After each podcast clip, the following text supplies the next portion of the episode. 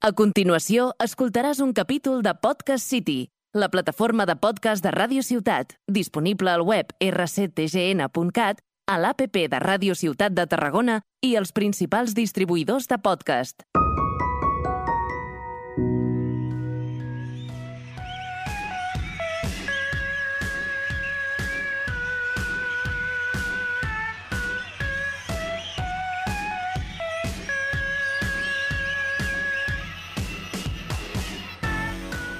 Hola a todos y bienvenidos. Nos hemos quedado un poquito escuchando la canción de MGMT, nuestra canción favorita de Kids.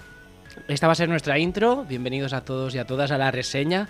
La reseña va a ser un programa de historia, pero divertido. venimos a haceros un poco reír y venimos sobre todo a contaros historias que se encuentran un poquito en los márgenes de la historia, la parte como que para mí es más divertida de todo ello. Y para ello nos va a acompañar en esta aventura que va a durar a saber cuántos capítulos. Nuestra profe y querida Anne. Anne, preséntate. Hola, ¿qué tal? Hola, Omar. Eh, que me presente. Pues sí, soy profesora. No sé si querida o no. Espero que sí. Yo os quiero a todos. Eh, te he conocido un poco también a través de tus alumnos y eres que- querida y temida a partes iguales. A partes iguales. Sí, eh, pues sí, pues aquí estamos en una superaventura nueva y a ver qué, ¿no? A ver cuánto dura. De hecho, yo estaba en una sustitución. Vamos a contar cómo empieza esto. Yo estaba en una sustitución en un cole Sí. con la Anne. Y digo, oye, Anne, eh, están haciendo una serie de programas muy aburridos en una radio. no podemos decir nada más. No, no digo, ya está. Hasta luego, hasta aquí nuestra gran aventura. Eh, ¿Por qué no hacer otro más aburrido todavía? Y entonces dijimos, venga, va, no, nos tiramos de cabeza. Y bueno, eh, es un poco así, ¿no? Nuestra historia va a ser un poco la improvisación, Total. asalto de mata, somos los maquis de la radio, hemos venido a pegar cuatro tiros y un poco así de improviso y, y volvemos otra vez, ¿no? A- a- al escondite y al... Ya, ya, ¿cómo, es, cómo, es, ¿Cómo se dice, no? Al, a ir entre las matas así, de improviso. De improviso. Eh, Así nos bueno, vamos nosotros. Pero es que al final la vida es eso, ¿no? La improvisación. Adáptate, Total. ¿no? Y O- sobrevive. Sí, eso, adáptate o muere. Yo soy un poco más negativa. Ah, ojo. Empieza fuerte la ANE. Sí. Pues bueno, eh, ¿por qué se llama la reseña? Esto, esto es importante. importante, es importante. Le hemos puesto la reseña porque, eh, bueno, los dos somos historiadores y cuando yo voy de viaje personalmente lo que hago es mirar reseñas de los sitios donde yo voy a ir, ¿vale? Yo, por ejemplo, me fui a Nápoles y entonces digo, bueno, voy a ver qué, qué- cuentan de Nápoles, qué tengo que ver. Y ahí yo me lo pasé bomba. Me lo pasé bomba en Google Maps, ¿vale? Yo entré en Google Maps y me lo estaba pasando bomba. Leyendo la cantidad de chorradas que decía la gente, en plan, oh, este sitio es muy caro, no me gusta nada, odio este sitio, en este sitio hay fantasmas. O sea, es desternillante. Es para mí la sección de cartas a la vanguardia. ¿La ¿Has visto la- alguna vez la car- cartas a la vanguardia? No, de hecho, tengo que reconocer que hasta que Omar no me comentó esto de las reseñas, yo no miraba reseñas. Oh. Vivía feliz en mi mundo. Bienvenidos, es que vais a descubrir el mundo de la mierda. Y este año, este verano de vacaciones, empecé con este tema. Y estando en el Baztán, en Navarra, una zona Uy, qué bonito. Eh, voy- dije, venga, va, que voy a mirar a ver qué dice la gente de esta ruta de senderismo que he pensado que voy a hacer. Y entonces todo maravilloso, ¿no? El Baztán, no sé si nuestros queridos oyentes han estado alguna vez, pero una Es- zona de Es Navarra. un must en, vuestra, en Sí. vuestros Google Maps de ahora Total. ir al Baztán. Ya, Sí, sí, sí. apúntatelo. Eh, sobre todo en otoño, maravilloso. Uy, qué- ¿Vale? La humedad, los bosques. Eh, ¿Pero qué eh, decían del Baztán? que piensas, ¿no? Que realmente cómo no van a creer en brujas. Total, que eh, una ruta de senderismo por un alledo, maravilla, y leo, voy a empezar. Ah, pues mira, para iniciar. Ideal para iniciación de senderismo con los niños, una reseña. Leo unas cuantas y llego a una que es que me acuerdo del nombre y todo, porque para mí será MA Barracus, como ese del equipo A. Vale. Pero en realidad era María Ángeles Barracas. ¿Vale? Total que decía, sí, sí, es muy bonito, pero una lástima porque es un sendero, ojo, palabra sendero, búsquenla en el diccionario. Que es que está asfaltado, una pena. Ay, que no está asfaltado, una pena, y no tiene iluminación. Señora, es un sendero. No puede estar asfaltado. Bienvenidos a la reseña. Esto es genial.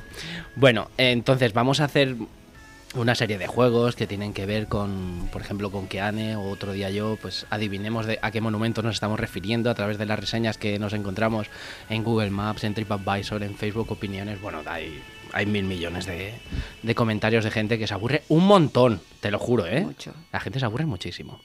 Pero también vamos a traer a personajes históricos. Y yo hoy os traigo a uno, hoy no estamos grabando en vídeo, pero pronto lo haremos, eh, que tenemos aquí, ¿vale? Yo hoy os traigo a Beltrán el Esquinazao. ¿A qué te suena Esquinazao, Ane?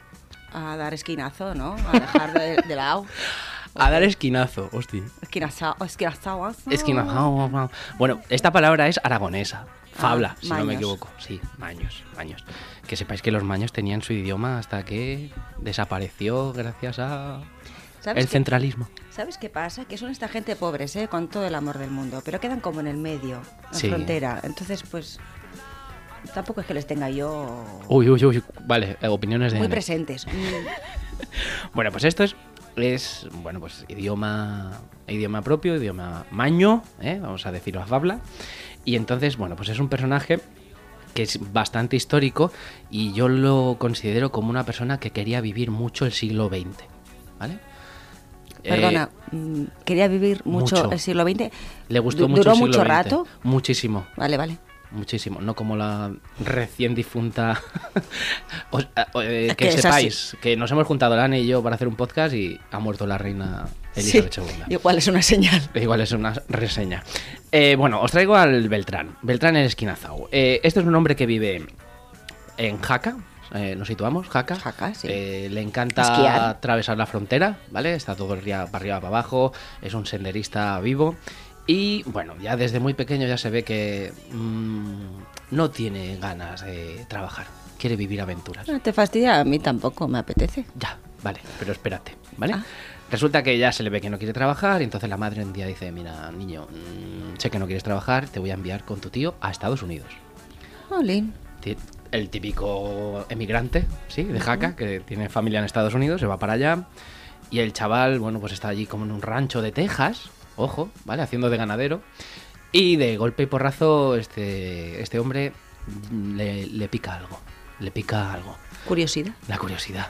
Y por allí, en esos momentos, hay un tal señor que se llama Pancho Villa. Ah, este me suena. ¿Te suena? Sí. Mm. El de la Revolución Mexicana, Sí. que está pegando tiros por allí, que se está cagando en todo lo cagable y dice, "Mm, me voy con este tío. Yo te voy a interrumpir un momento. Hasta ahora todo iba, pues que depende en qué contexto, ¿no? Si, tú, si no te dicen que vamos a hablar de un tal Beltrán, que es aragonés, que le gustó vivir mucho el siglo XX, yo hasta ahora entiendo que un tío de familia bien, porque el tío quería vivir como un marqués, ¿no? No quiero currar.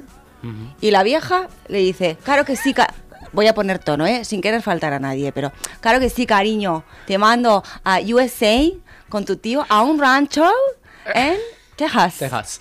Bueno, la madre, mm, por lo que desprende la biografía, estaba hasta los huevos del, del hijo. Bueno, también Y- puede ser. Y eran de familia muy humilde. O sea, que lo poco que juntaban era para pagarle multas a este chaval. Ah, ¿vale? pobre O sea, gente. Mejor todavía. No prejuzguemos. Bueno, lo mandan para allá, se une a Pancho Villa, se escapa de casa del tío este de Estados Unidos, se pone a pegar tiros con Pancho Villa, Caray. ¿vale? Y entonces ya llega un momento en que, bueno, derrotan a Pancho Villa, Pancho Villa es asesinado, pero este hombre ya le ha picado el gusanillo de la pólvora, ¿vale? ¿Qué es lo que viene después de Pancho Villa? Pues ya nos vamos a 1917. 1917, la, guerra, la Primera Guerra Mundial ya había estallado, pero Estados Unidos no entra hasta el 1917. Y en ese momento dice, pues calla, una de las buenas maneras que tengo de devolver a casa es me alisto en la Legión extranjera francesa, se une con toda la división de los americanos, va para Francia. O sea, este hombre después de Pancho Villa se une, a- se, se va a la Primera Guerra Mundial. Con los. Estados Unidos. Con Estados Unidos. Muy bien. Eh, se va para si Francia. estos son mis principios, si no te gustan, tengo otros. Se- bueno, espérate. Se va para Francia. Allí, eh, en una acción bélica que muy bien no sabe describir el autor, recibe una medalla y un permiso para que vaya a España. ¿Vale? Y entonces se vuelve para su casa, para Canfranc, el día de carnaval. ¿De qué año estamos hablando? Perdón. 1918 ya. 18. ¿Vale? Se va el día, el día de. El día de carnaval, se va para su casa, pero antes de ir a su casa se disfraza de oso Ay, Dios. y va por las calles del pueblo disfrazado de oso y le pregunta a su propia madre, ¿dónde está el bandido de su hijo? Ay, Dios, no me estáis viendo, ¿eh? Ya en los próximos capítulos veréis mis expresiones. Total, que se quita Pobre una mujer. cabeza de oso, ¿vale? Y, y resulta que era su hijo, bueno, eh, la madre diciendo, pero ¿dónde has estado? Bueno, pues he estado con Pancho Villa, la Primera Guerra Mundial, la madre dice, mira, chico, quédate aquí ya, cásate, no vuelvas, que salir vivo de la Primera Guerra Mundial ya tiene su mérito. Pues este tío ya se dedica al comercio de la leña, ¿qué vas a hacer? Canfrán, jaca, mm, Eso, del- ovejas. de- del esquí tampoco se vivía. Bueno, pues se dedica a hacer pues trapicheos de la frontera para aquí, de aquí para allá. Total que se conoce el monte como la palma de la mano, ¿vale? Y eh, se casa, la mujer se casa eh, como muy ilusionada, eso sí que lo desprende el libro, y luego dice, "Mm, este tío está loco. Este tío está Yo loco. sería de pensarlo. A ver, antes de casarte, ¿no? Habla un poco. Está loco. Y no la, sé. la gente en el siglo XX se casaba en plan, venga, este me ha caído bien, venga. Venga. Y luego la mujer dice, pero es que este tío está loco. De hecho, bueno, No, más no. adelante os digo lo que Sí, dice. no, me hagas spoilers. Se coge un trabajo de autobusero, que es lo más estable que va a tener en su vida, ¿vale? Y entonces él para, pues, hacer el café en un bar, que es el que, en el que resultase de que se reúnen todos los conspiradores republicanos del momento. Ya estamos en los Vaya. años 30. ¿Está en todo el meollo? Sí. ¿Y te suena la sublevación de Jaca? Sí, sí, a mí y a mis queridísimos alumnos. Pues la sublevación de Jaca, ¿eh? de Fermín Galán, eh, Antonio Beltrán, el esquinazao, se presenta a Fermín Galán y dice, "Ch, aquí estoy yo, para lo que haga falta. Pa' lo que quieras, tío. Un golpe de Estado, pues un golpe de Estado. Y participa en él, ¿sí? Sale Ujú. esquilmado, va para la cárcel, bueno, esta participa en la sublevación de Jaca, se proclama la República, en la amnistía de presos sale a la calle, y después de que viene de todo esto, la guerra civil, pues también va a estar en la guerra civil. Ya llevamos Pancho Villa, Primera Guerra Mundial, sublevación de Jaca y guerra civil. Y está en todo. ¿Puede ser un poco sociópata el hombre? No sé. No sé, yo de psicología no sé, pero igual pasa que una vez pruebas la cargar- pólvora ya no hay quien te quite, dai. No sé, tú. mm, Pues un, un- A mí lo que me sorprende de todo esto es que salga vivo siempre. Siempre. ¿Vale? Porque en la guerra civil resulta que llega a ser comandante de división. Correcto. Claro, porque Bueno. es un tío con un montón de experiencia. Salía, o sea, empezaba a pegar tiros desde que tenía mm, 15 años. Y es un hombre, pues que claro, está fogueado, como aquel que dicen. Y bueno, pues eh, la guerra civil llega a ser un alto mandatario, se une al PCE, porque ya va viendo que el Partido Comunista es el que va a tener un cierto predominio. Eh, no es comunista, eh, la gente le llama que es un idealista. Ah, mira, antes, eh, hace un rato hablábamos de que de si anarquista no anarquista. Mi madre siempre dice, me quité un peso de encima cuando descubrí que no era anarquista, sino librepensadora. Ah, y le digo, ah, pues mira, muy bien. Y a veces adopto yo esta visión del mundo, porque anarquismo, anarquismo tampoco. Pues lo mismo si comunismo, ¿no? Pues, eh, un Pues poco total, que libertario. el tío se mete allí como diciendo, bueno, estos son los que van a tirar más y me, me uno a ellos. Bueno, eh, la guerra civil va como va y entonces nos vamos ya directamente pues, a zonas de resistencia, zonas de montaña. Él se conoce la montaña como la palma de la mano y es el general, capitán o como le quieras llamar de más alto nivel de la bolsa de Bielsa. ¿Te suena? Sí. Bolsa de Bielsa fue un. Bueno, estaban rodeados absolutamente de todos y por eso se le llamó la bolsa. Y es un tío que decía: aquí no se rinde nadie. Nadie. Y, y bueno, eso fue Claro, como un. este llevaba una guerra mundial, que si los mexicanos, que si no Este sé qué, se había salvado, "Me pues... vas a decir a mí, aquí, ya no hay, aquí no hay retirada. Aquí A aguantar. morir. Y entonces, bueno, al final, pues como todos los republicanos, fue retrocediendo, emigró hasta Cataluña, eh, estuvo en la defensa de la batalla del Ebro, pero bueno, en el desmoronamiento de Cataluña se exilió, ¿vale? Entonces ya llega a Francia y ahí le dicen, bueno, estás aquí en Francia, pero aquí ya han firmado un pacto germano-soviético mm, que ya mismo van a empezar a, a perseguiros también.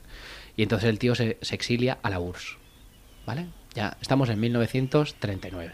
Se va para la URSS y ahí que vuelve a pasar Pues imagino que se vuelve a liar a tiros. otra vez, la Segunda Guerra Mundial.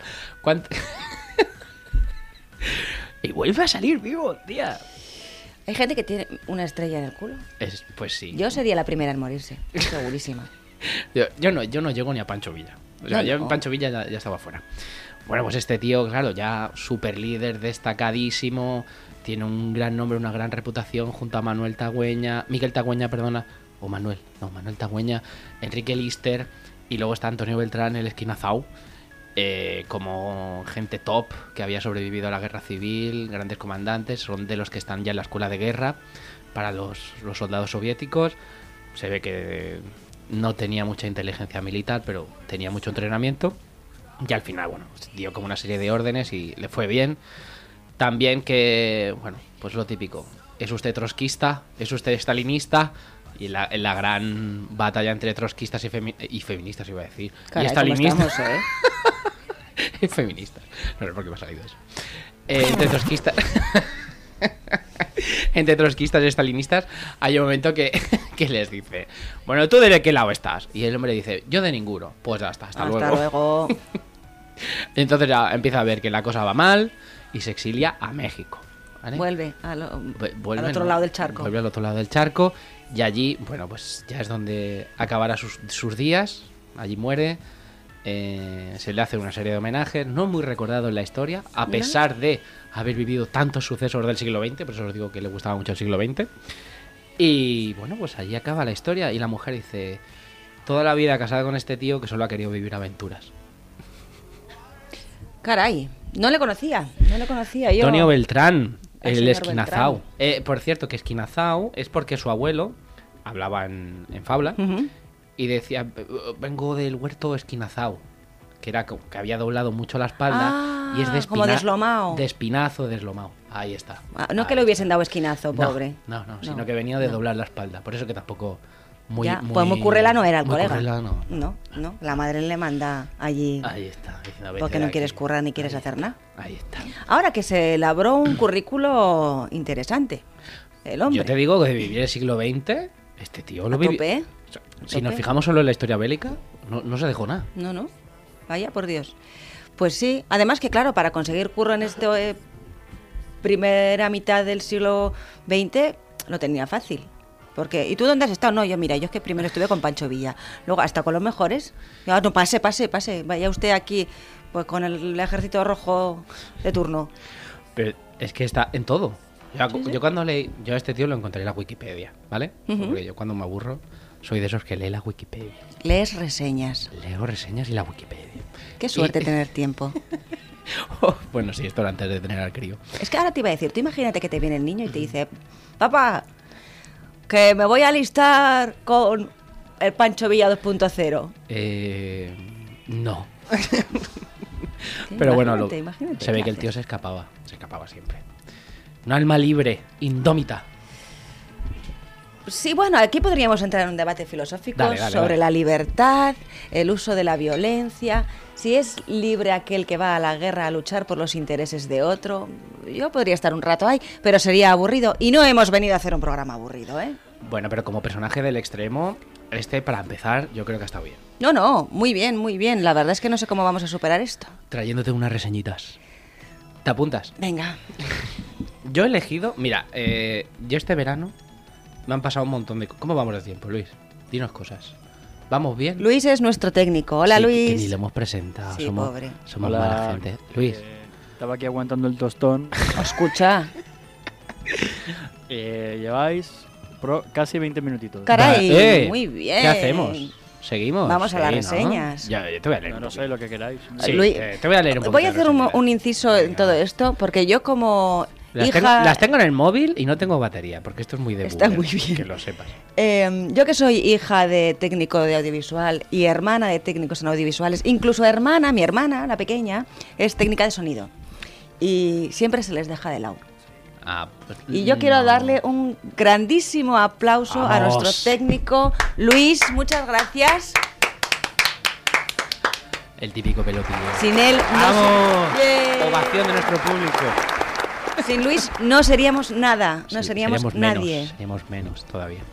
Bueno, pues voy Venga, a, dale. voy a Vamos a leeros una, serie de reseñas, ¿vale? Esto es muy de boomer, lo tengo aquí en el móvil.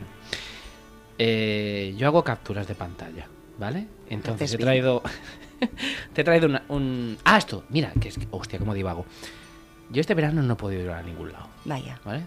Yo no he parado, lo siento. Mudanzas, mm, cosas personales. No he podido ir a, a ninguna, pero a ninguno. He ido yo por ti, no Has te preocupes. por mí. Vale.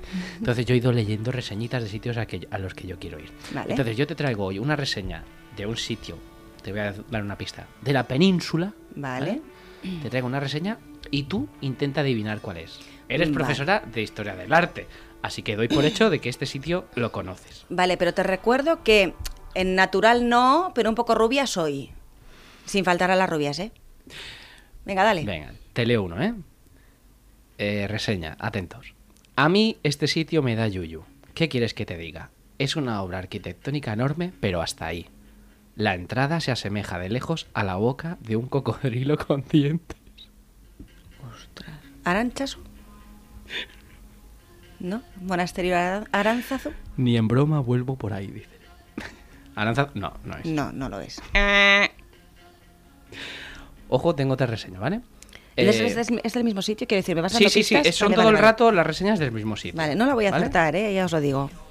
Eh, un horror para la vista, recargada hasta el agotamiento. Parece una falla valenciana de muchas iglesias juntas. Vale, estamos hablando de alguna fachada barroca. Para entiendo. salir e ir directo al fisioterapeuta que te trate tortícolis y rezando que no se caiga ningún cascote de los que cuelgan. Obra de un esquizofrénico como muchos artistas catalanes. Ah, es la Sagrada Familia, no me digas. No. ¿En serio? ¿Es la Sagrada. Familia? Es la Sagrada Familia. ¡Oh, Dios mío! Pues sí, es una maravilla. Oye, no, no, no. Parece una falla valenciana. Una falla valenciana. Pero es que La boca de un cocodrilo. A mí me tiene enamorado. O sea, la gente. Pero. Una falla valenciana y la boca de un cocodrilo. Pero es que tengo más, ¿vale? Luego tengo. Tengo unas reseñas que yo les llamo máximo grado de desubicación personal. Vale. Eh, dice algo así, alguien que ha etiquetado o ha puesto una reseña sobre la Sagrada Familia, dice, por dejar pasar a los BLM, fotógrafos, mirad los comentarios antes de dejar que hagan fotos a tu bebé. Me he perdido. La clínica y los profesionales que asisten al parto, bien, siento poner el uno, pero no entiendo cómo dejan que esta gentuza entre en las habitaciones. ¿Eh? Yo creo que gente, que yo que sí que está... ¿Quiere- ¿Has mirado el nombre? A ver si va a ser M.A. Barracus. No. Pero que dices, pero ¿qué le pasa a esta gente? No, yo leí una. ¿De qué era? Ah, del puente colgante.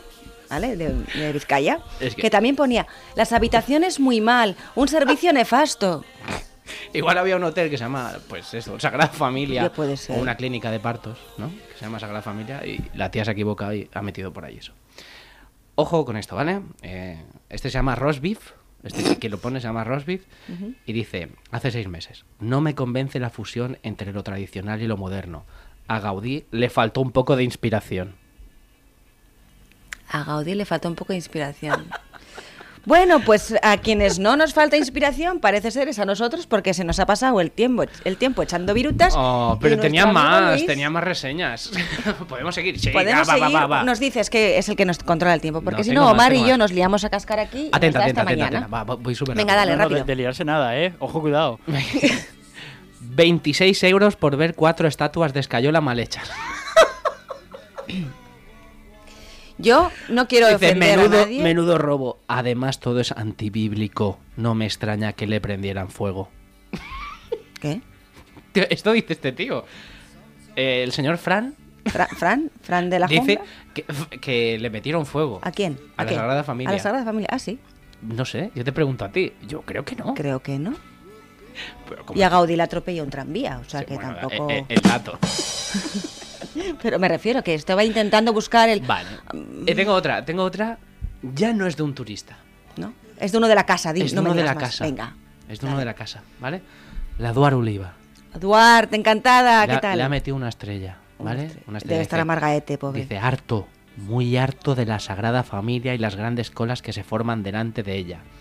Para los turistas puede ser todo un espectáculo, pero para los que vivimos cerca de la Sagrada Familia es una tortura la cantidad de gente que se amontona delante de ella y el colapso que provoca en todas las calles colindantes. Yo le entiendo, pobre hombre. No, yo pensaba que me ibas a Pero hablar- cuando se mudó, ¿qué? Pero es que igual Eduard nació allí. ¿Cómo van a hacer allí? ¿Y por qué se mudaron allí sus No, padres? no había una clínica de parto allí.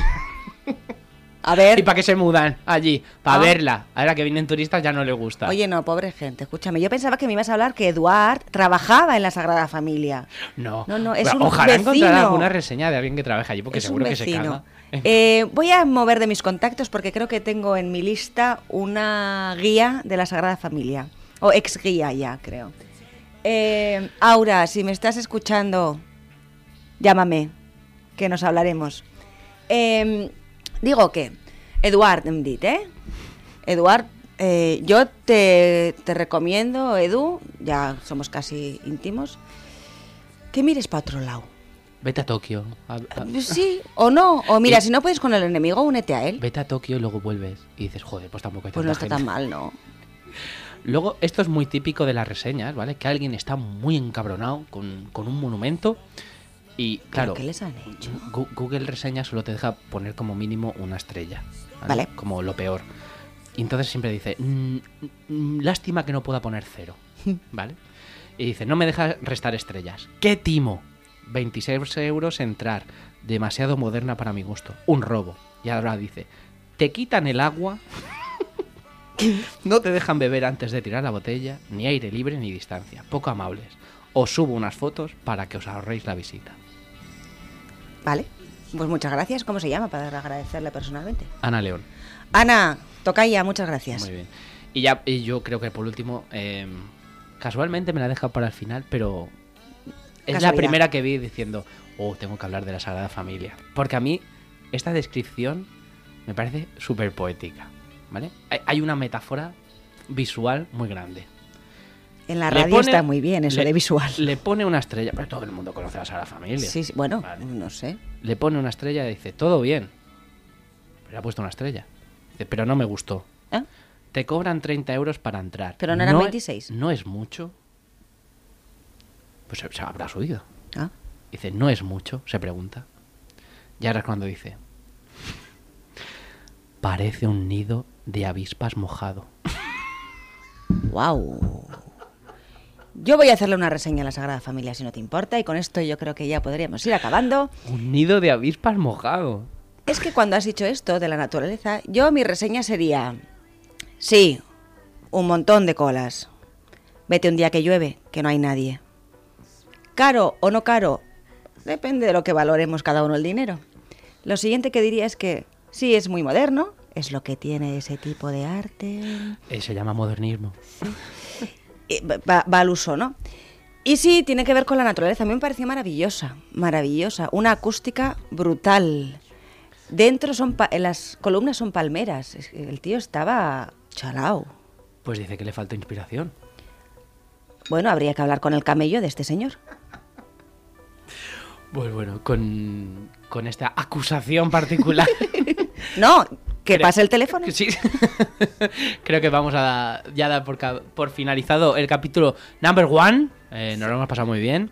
Espero que os hayáis divertido un pelín, ¿sí? Y nada, que no- nos sigáis, que vamos a dar un poquito de cañita y vamos a seguir siendo los maquis de la radio. Hasta la próxima. Un saludo.